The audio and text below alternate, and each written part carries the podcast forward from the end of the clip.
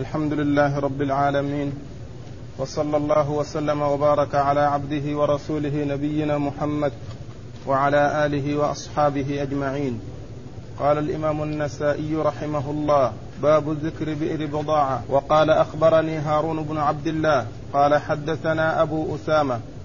قال حدثنا الوليد بن كثير. قال حدثنا محمد بن كعب القرظي عن عبيد الله بن عبد الرحمن بن رافع عن أبي سعيد الخدري رضي الله عنه أنه قال قيل يا رسول الله أو نتوضا من بئر بضاعة؟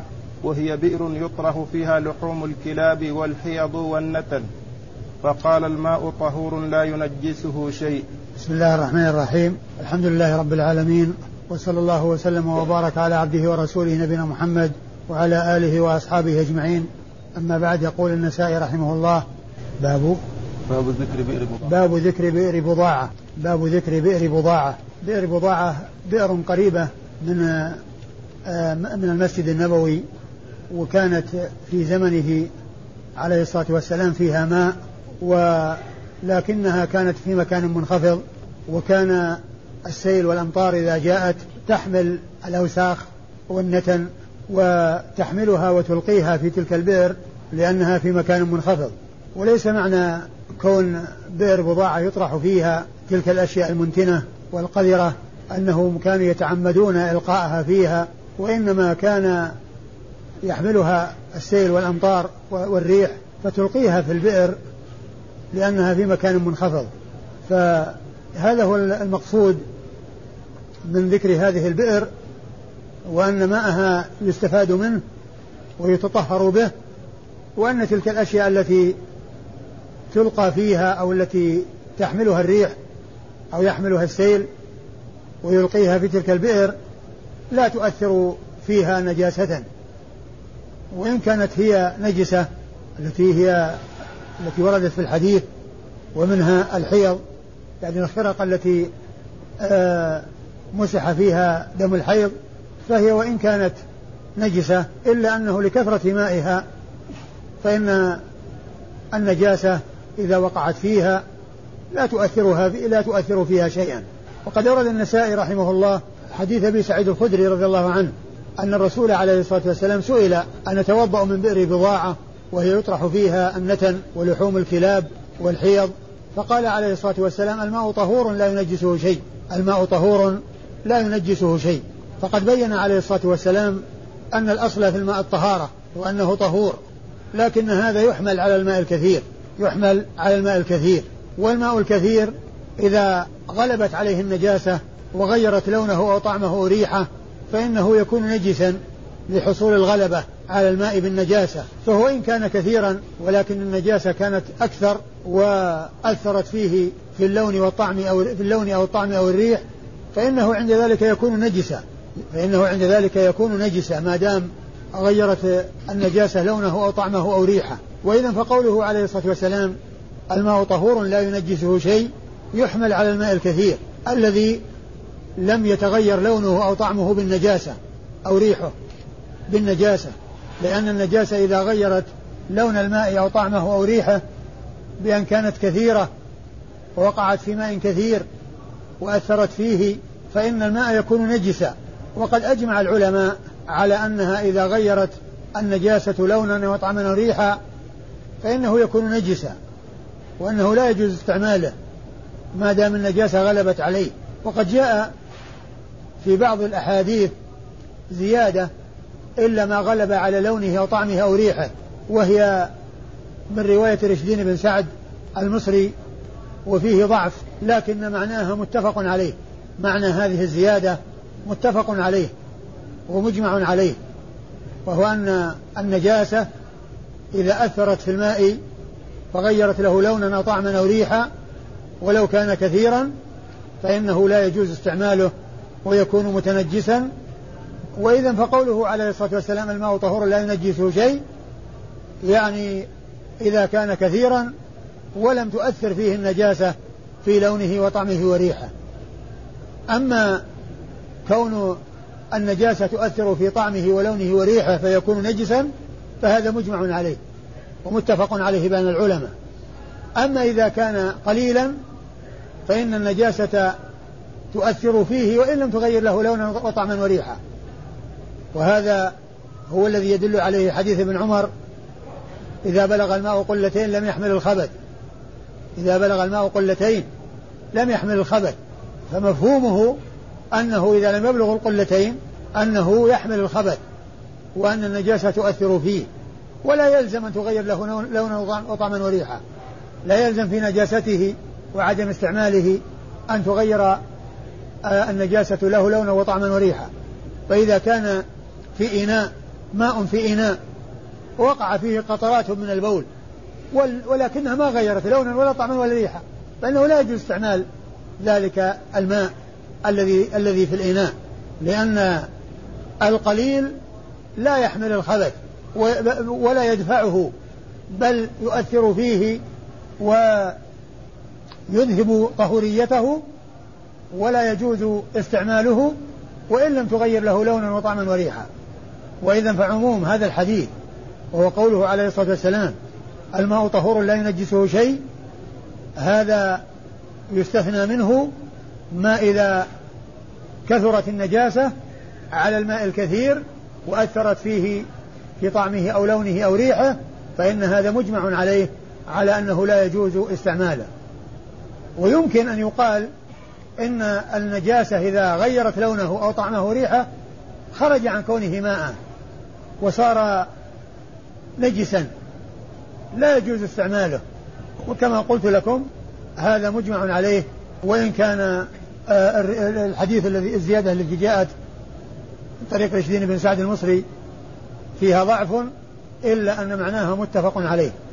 أما إذا كان الماء قليلا دون القلتين فإنه يتأثر بالنجاسة وإن لم يتغير لونه وطعمه وريحه وإن لم يتغير لونه وطعمه وريحه. أعد الحديث. متن؟ عن أبي سعيد الخدري رضي الله عنه قال قيل يا رسول الله أنا توضأ من بئر بضاعة وهي بئر يطرح فيها لحوم الكلاب والحيض والنتن. فقال الماء طهور لا ينجسه شيء. يعني لما كان لما كانت هذه الحالات تقع وتحصل بأن هذه الأمور آه، آه، هذه الأشياء النجسة القذرة أنها تقع في تلك البئر إما لكون السيول تحملها أو الريح تحملها وهي في مكان منخفض أو أنه يتعمد ذلك أحد من المنافقين لأن الصحابة لا يتعمدون ذلك وهم أحرص الناس على الطهارة والنزاهة والنظافة رضي الله عنهم وأرضاهم. فما كانوا آه، ليفعلوا بأن يلقوا لحوم الكلاب والحيض وهي الخرق التي مسح فيها دم الحيض والأشياء المنتنة القذرة يرمونها في الماء الذي به يتطهرون والذي منه يستفيدون ما كانوا يفعلون هذا. وإذا فيحمل هذا كما قال بعض أهل العلم على أنها في مكان منخفض وأن السيولة تحمل تلك الأشياء وتلقيها فيها أو لأن الريح آه، تحملها وتلقيها فيها أو أنه يفعل ذلك أحد من المنافقين. أما المسلمون أما الصحابة رضي الله عنهم وأرضاهم فإنه لا يحصل منهم ذلك وهم الحريصون على النزاهة والنظافة رضي الله تعالى عنهم وأرضاهم.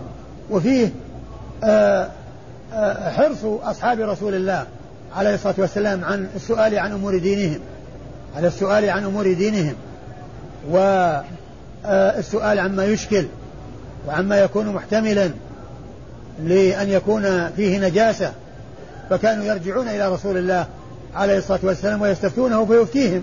فكان جوابه عليه الصلاة والسلام أن قال إن إن الماء طهور لا ينجسه شيء. إن الماء طهور لا ينجسه بشيء.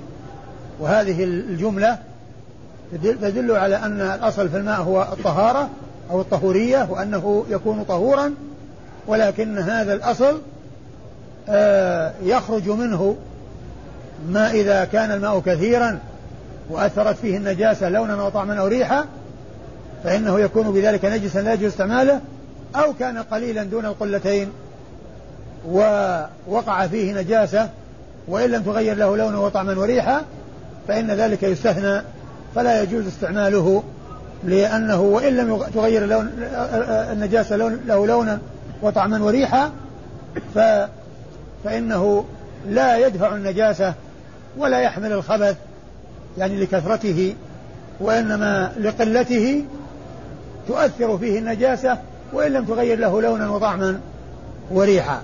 أما إسناد الحديث فيقول نسائي أخبرنا هارون بن عبد الله. وهارون بن عبد الله هو البغدادي. أبو موسى الحمال. أبو موسى لقبه الحمال.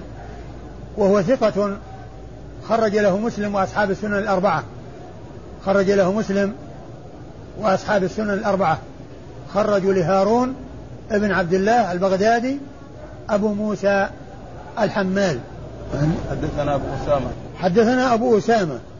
وأبو أسامة هو حماد بن أسامة. أبو أسامة حماد بن أسامة وهو مشهور بكنيته أبو أسامة وهو ثقة حديثه عند أصحاب الكتب الستة وهو أيضا كنيته توافق اسم أبيه توافق اسم أبيه لأنه حماد بن أسامة وكنيته أبو أسامة ومعرفة هذا النوع كما ذكرت تكرارا مرارا وتكرارا هي دفع توهم التصحيف فيما لو ذكر بدل الابن أب أبو لأن من لا يعرف أن كنيته أبو أسامة لو جاء حما لو لو من, من لا يعرف أن أن أباه أبو أسامة أن أباه أسامة آه لو جاء حماد أبو أسامة حماد أبو أسامة يظن أن أبو مصحف عن ابن لكن من عرف أن كنيته أبو أسامة وأن أباه أبو وأن أباه أسامة فلو جاء اسمه وكنيته فقط لا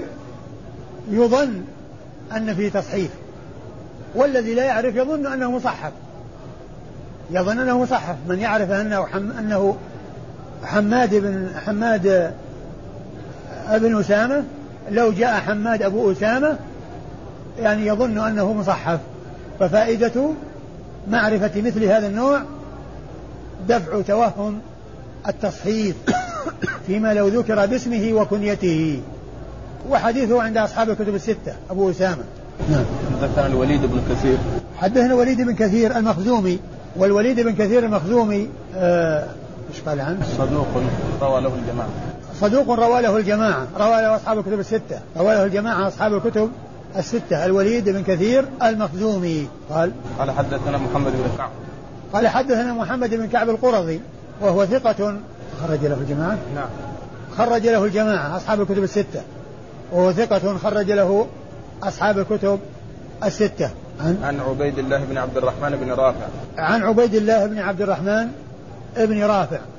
عبيد الله بن عبد, عبد الرحمن بن رافع الأنصاري وهو مستور خرج له من؟ أبو داود والترمذي والنسائي. خرج له أبو داود والترمذي والنسائي. أبو داود والترمذي والنسائي وهو مستور. والمستور هي تعادل مجهول الحال. معنى مستور يعني أنه مجهول الحال. يعني هي مثل مجهول الحال. يقال عنه مستور ويقال عنه مجهول آه الحال. عن أبي سعيد. عن أبي سعيد الخدري عن أبي سعيد الخدري وهو سعد بن مالك بن سنان الأنصاري رضي الله تعالى عنه وأرضاه. وهو من علماء الصحابة ومن المكثرين من رواية الحديث عن رسول الله عليه الصلاة والسلام. من المكثرين من الذين زاد حديثهم عن ألف على ألف لأن له ألف ومئة وسبعون حديثا. ألف ومئة وسبعون حديثا. اتفق البخاري ومسلم منها على ثلاثة وأربعين.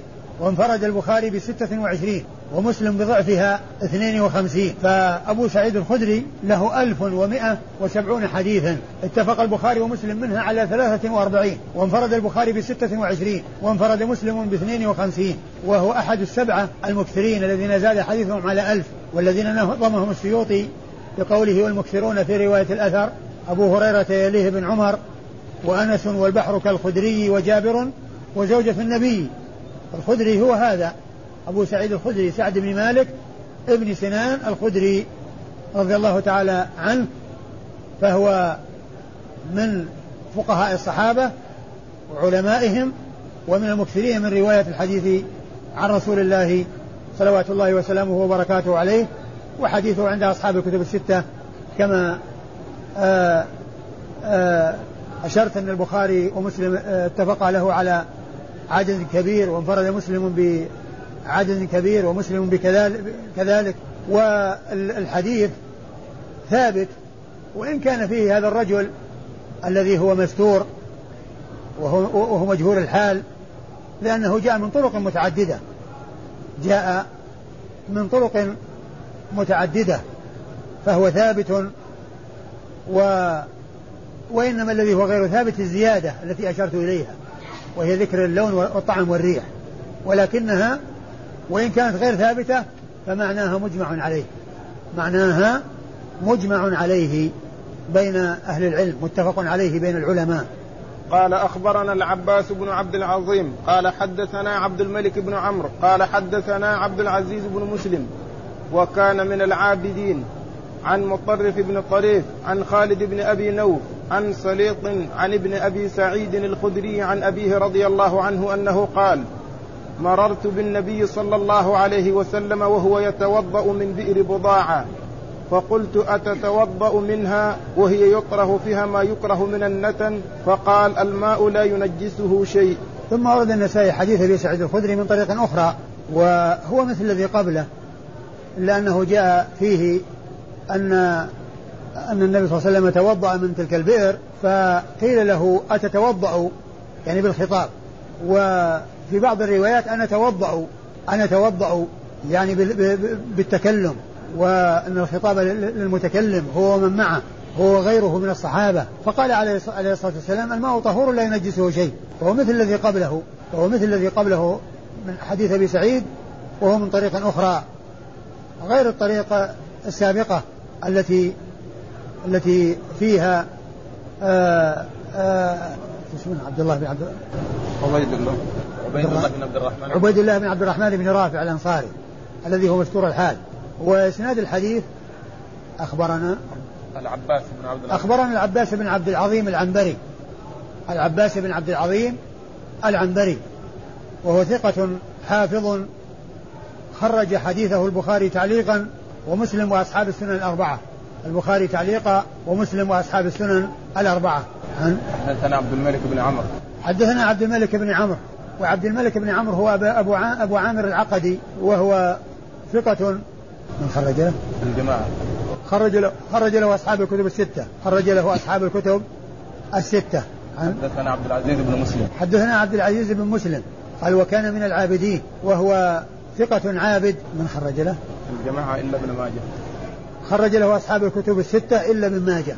يعني هو مثل إسحاق بن إبراهيم الحنظلي المعروف بابن راهوية خرج له الجماعة إلا ابن ماجه خرج له الجماعة إلا ابن ماجه عبد العزيز بن مسلم نعم. قال عن مطرف بن طريف. عن مطرف بن طريف عن مطرف بن طريف وهو ثقة خرج له الجماعة. نعم.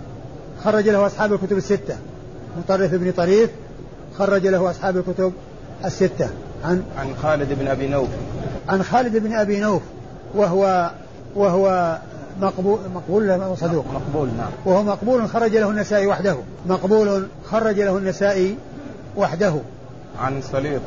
عن سليط ابن سلي... آه عن سليط بن أيوب بن الحكم وهو مقبول. مقبول أيضا.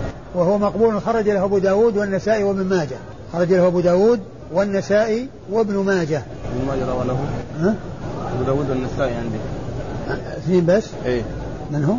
أبو داود والنسائي. أبو داود والنسائي. لا ما روى له ابن ماجه؟ نعم. ما عندي روى له أبو داود والنسائي. لم يروي له ابن ماجه. روى له اثنان من أصحاب الكتب الستة وهما أبو داود والنسائي. عن ابن أبي سعيد. عن ابن أبي سعيد. عن ابن أبي سعيد.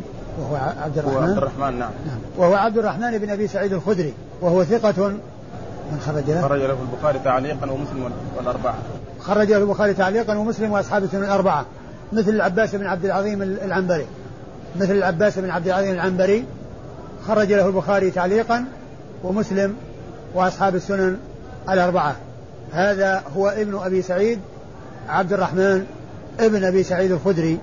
يروي عن أبيه أبي سعيد رضي الله تعالى عنه وهو الصحابي الجليل وهو صاحب وهو راوي هذا الحديث في الإسناد المتقدم. قال باب التوقيت في الماء. وقال أخبرنا الحسين بن حريث المروزي قال حدثنا أبو أسامة عن الوليد بن كثير عن محمد بن جعفر بن الزبير عن عبيد الله بن عبد الله بن عمر عن أبيه رضي الله عنهما أنه قال سئل رسول الله صلى الله عليه وسلم عن الماء وما ينوبه من الدواب والسباع فقال إذا كان الماء قلتين لم يحمل الخبث. ثم ورد النسائي باب التوقيت في الماء يعني التحديد التحديد في الماء. والمقصود منه بيان أن فيه قليل وكثير وأن القليل تؤثر فيه النجاسة وإن لم تغير له لونه وطعما وريحة والكثير لا تؤثر فيه النجاسة إلا إن غيرت له لونه وطعما وريحة فالتوقيت في الماء هو التحديد يعني يكون آه، آه، آه، له حد معين إذا بلغه صار كثيرا وإذا نقص عنه صار قليلا. أورد فيه حديث ابن عمر رضي الله تعالى عنهما أن الرسول عليه الصلاة والسلام سئل عن الماء وما ينوبه من السباع والدواب يعني أنها تأتي إليه وتشرب منه وقد تتبول فيه. فقال عليه الصلاة والسلام إذا بلغ الماء قلتين لم يحمل الخبث إذا بلغ الماء قلتين لم يحمل الخبث يعني أنه إذا كان إذا كان الماء آه كثيرا يتجاوز هذا المقدار فإنه لا تؤثر فيه النجاسة. لا يحمل الخبث يعني معناه أنه يدفع الخبث ويغلبه ويكون الخبث مغمور. والماء الطيب هو الغالب الذي لم يؤثر فيه الخبث. لكن يستثنى من ذلك كما ذكرت ما أجمع عليه وهو ما إذا غيرت النجاسة لونا وطعما وريحا في الكثير. وذلك أن يأتي نجاسة كثيرة تغلب هذا الماء الكثير وتطغى عليه وتؤثر فيه إما في لونه أو طعمه أو ريحه. فإذا الرسول عليه الصلاة والسلام لما سئل عن الماء وما ينوبه من السباع والدواب قال عليه الصلاة والسلام إذا بلغ الماء قلتين لم يحمل الخبث. وفيه ففيه دلالة على التحديد والتوقيت لأنه وقت بالقلتين وحدد بالقلتين. وقد سبق أن مر الحديث فيما مضى. أخبرنا الحسين بن حريث المروزي. أخبرنا الحريث الحسين بن حريث المروزي. الحسين بن حريث المروزي وهو ثقة خرج له. روى له الجماعة إلا ابن ماجه. روى له الجماعة إلا ابن ماجه. روى له الجماعة إلا ابن ماجه. مثل إسحاق ابن راهوية ومثل عبد العزيز بن مسلم الذي تقدم في الإسناد الذي قبل هذا خرج له أصحاب الكتب الستة إلا ابن ماجه. حدثنا أبو أسامة. حدثنا أبو أسامة وهو حماد بن أسامة المتقدم في الإسناد الذي قبل هذا. عن الوليد بن كثير. وكذلك الوليد بن كثير المخزومي وهو صدوق خرج له أصحاب الكتب الستة. عن محمد بن جعفر بن الزبير. عن محمد بن جعفر ابن الزبير بن العوام وهو ثقة خرج له أصحاب الكتب الستة. عن عبيد الله بن عبد الله بن عمر. عن عبيد الله بن عبد الله بن عمر وهو شقيق سالم ابن عبد الله بن عمر شقيق سالم ابن عبد الله بن عمر وهو ثقة خرج له الجماعة. جماعة نعم. خرج له الجماعة أصحاب الكتب الستة. عن أبيه. عبيد الله بن عبد الله بن عمر آه ثقة خرج له أصحاب الكتب الستة. عن أبيه عبد الله بن عمر الصحابي الجليل أحد العبادلة الأربعة في الصحابة وأحد السبعة المكثرين من رواية الحديث عن رسول الله عليه الصلاة والسلام ورضي الله تعالى عن الصحابة أجمعين.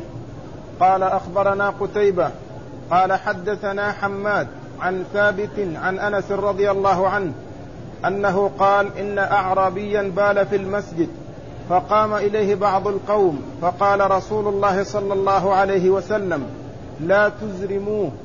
فلما فرغ دعا بدلو من ماء فصبه عليه.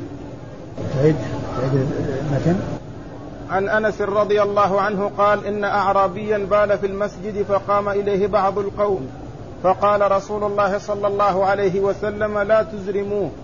فلما فرغ دعا بدلو من ماء فصبه عليه. ثم إن الرسول ثم إن النسائي رحمه الله أورد حديث أنس بن مالك في قصة الأعرابي الذي بال في المسجد فتكلم عليه بعض الصحابة فقال لهم عليه الصلاة والسلام لا تزرموه يعني دعوه ولا تقطعوا عليه بوله. بل دعوه يكمل بوله. ثم إنه لما فرغ أخذ ذنوبا من ماء فصبه عليه. أمر بذنوب من ماء فصب عليه. ذنوب يعني هي الدلو الكبيرة. فصبت على ذلك تلك النجاسة التي في المسجد. وهنا أورده النسائي هذا الحديث في باب التوقيت في الماء. باب التوقيت في الماء. ووجه ذلك أن الطهارة أن طهارة النجاسة إذا كانت على الأرض فإنها تطهر بهذا المقدار من الماء. هذا المقدار من الماء يحصل به تطهير الأرض إذا جاء على النجاسة. إذا جاء على النجاسة فإنه يطهرها إذا كانت على الأرض.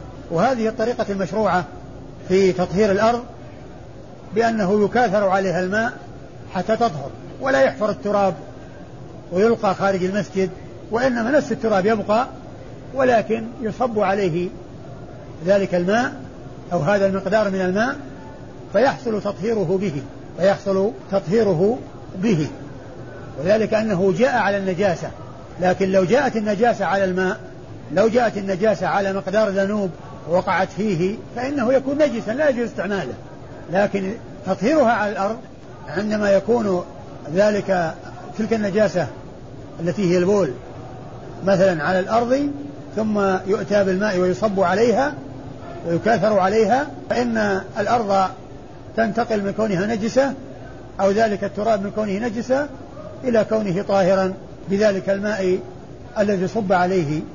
فإذا التوقيت فيه يعني من ناحية التقدير الذي حصل بملاقاة الماء للنجاسة. ملاقاة الماء للنجاسة. لكن لو كان العكس بأن كان الماء في ذنوب مثلا وجاء بول وصب فيه أو بيل فيه حصل فيه التبول فإنه يكون نجسا ولا ويكون ولا يكون طاهرا.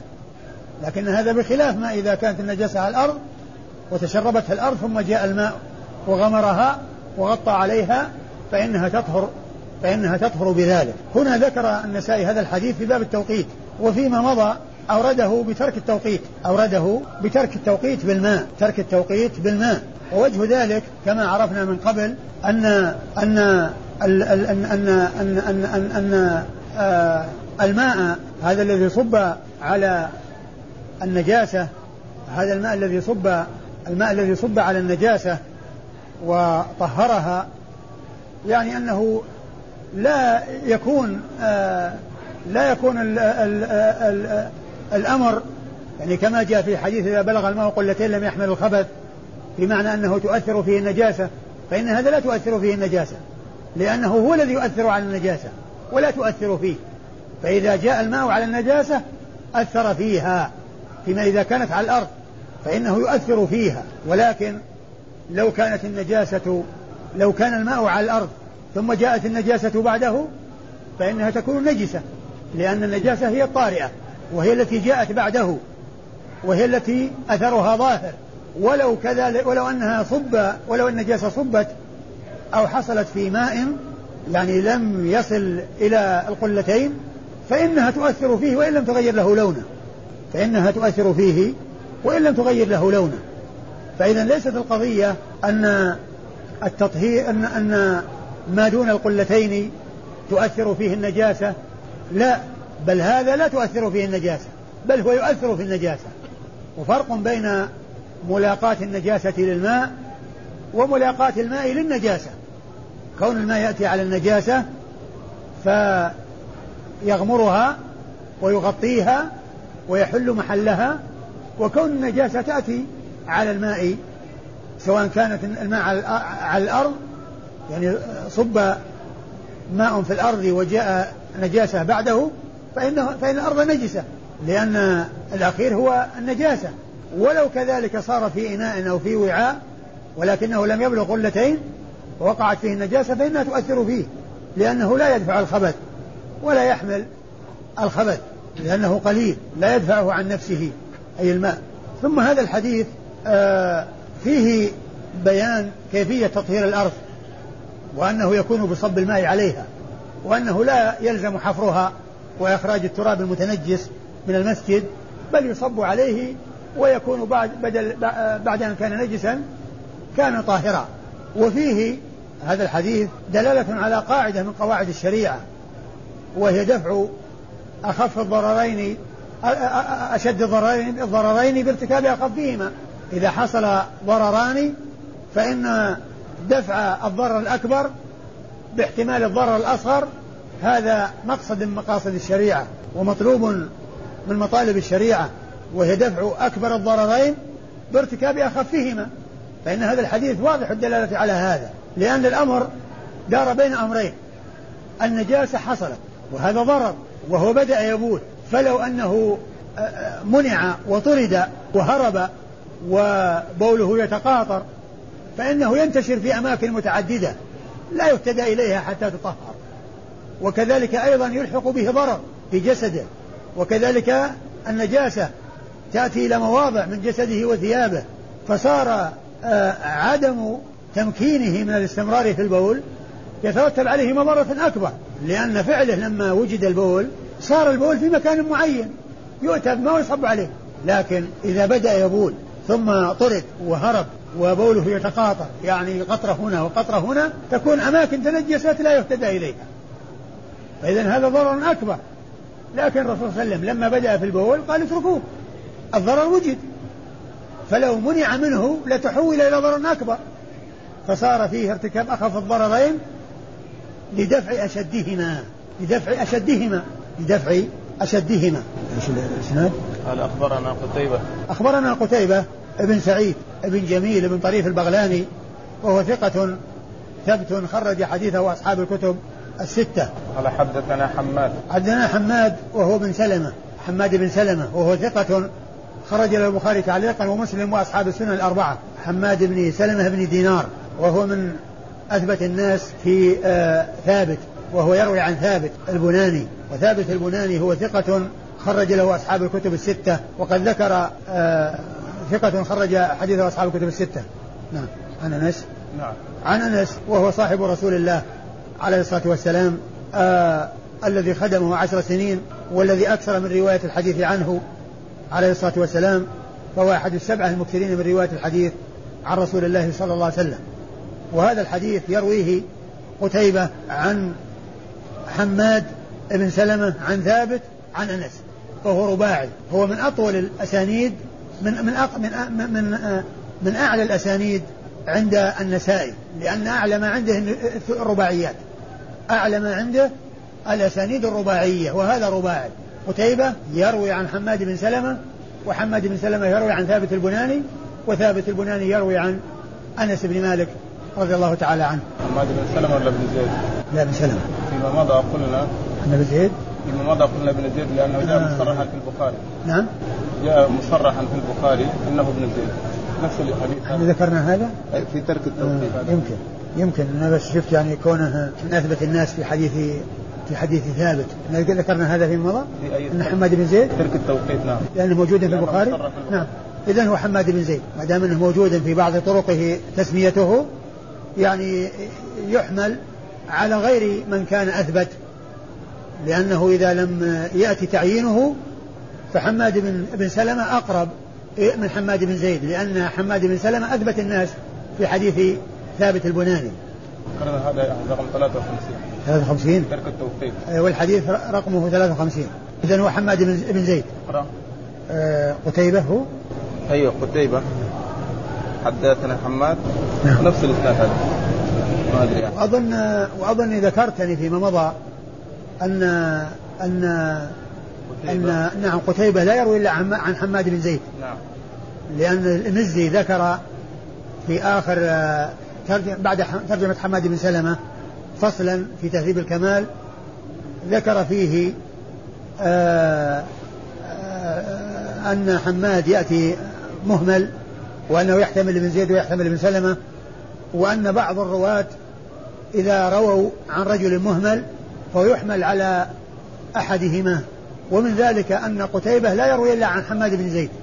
قتيبة لا يروي إلا عن حماد بن زيد. وقد مر بنا ذكر هذا قريبا.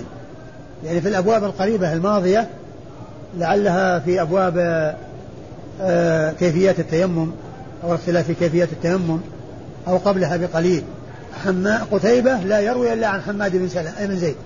لا يروي عن حماد بن سلمة لكن حماد بن سلمة هو أثبت الناس في حديث ثابت البناني.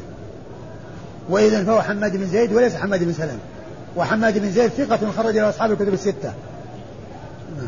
قال أخبرنا عبد الرحمن بن إبراهيم عن محمد بن عبد الواحد عن الأوزاعي عن عمرو بن الوليد عن الزهري عن عبيد الله بن عبد الله عن أبي هريرة رضي الله عنه أنه قال قام أعرابي فبال في المسجد فتناوله الناس فقال لهم رسول الله صلى الله عليه وسلم دعوه وأهريقوا على بوله دلوا من ماء فإنما بعثتم ميسرين ولم تبعثوا معسرين. تعيد الحديث.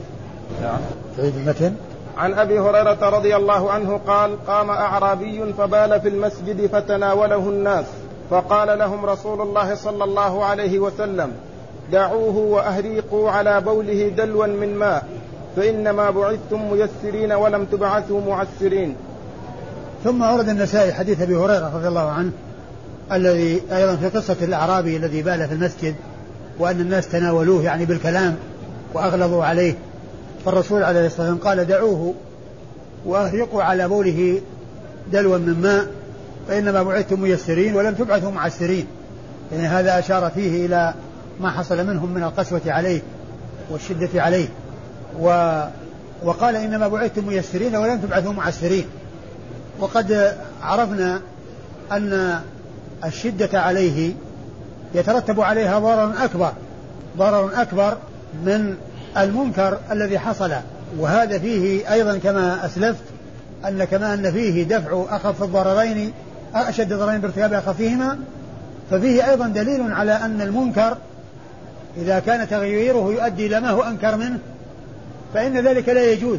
إذا كان المنكر تغييره ودفعه يؤدي إلى ما هو أنكر فإن ذلك لا يجوز لأن البول في المسجد منكر.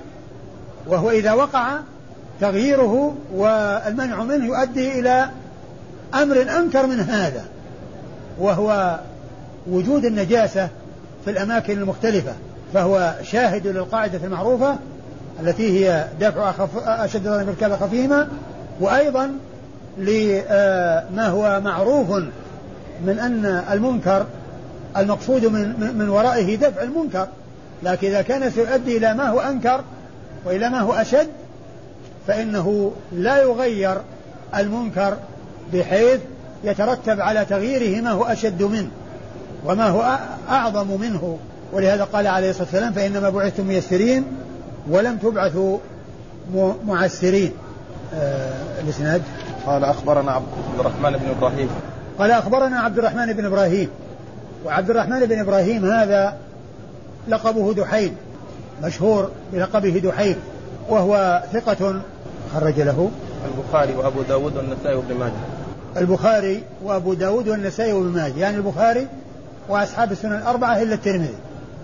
البخاري وأصحاب السنن الأربعة إلا الترمذي.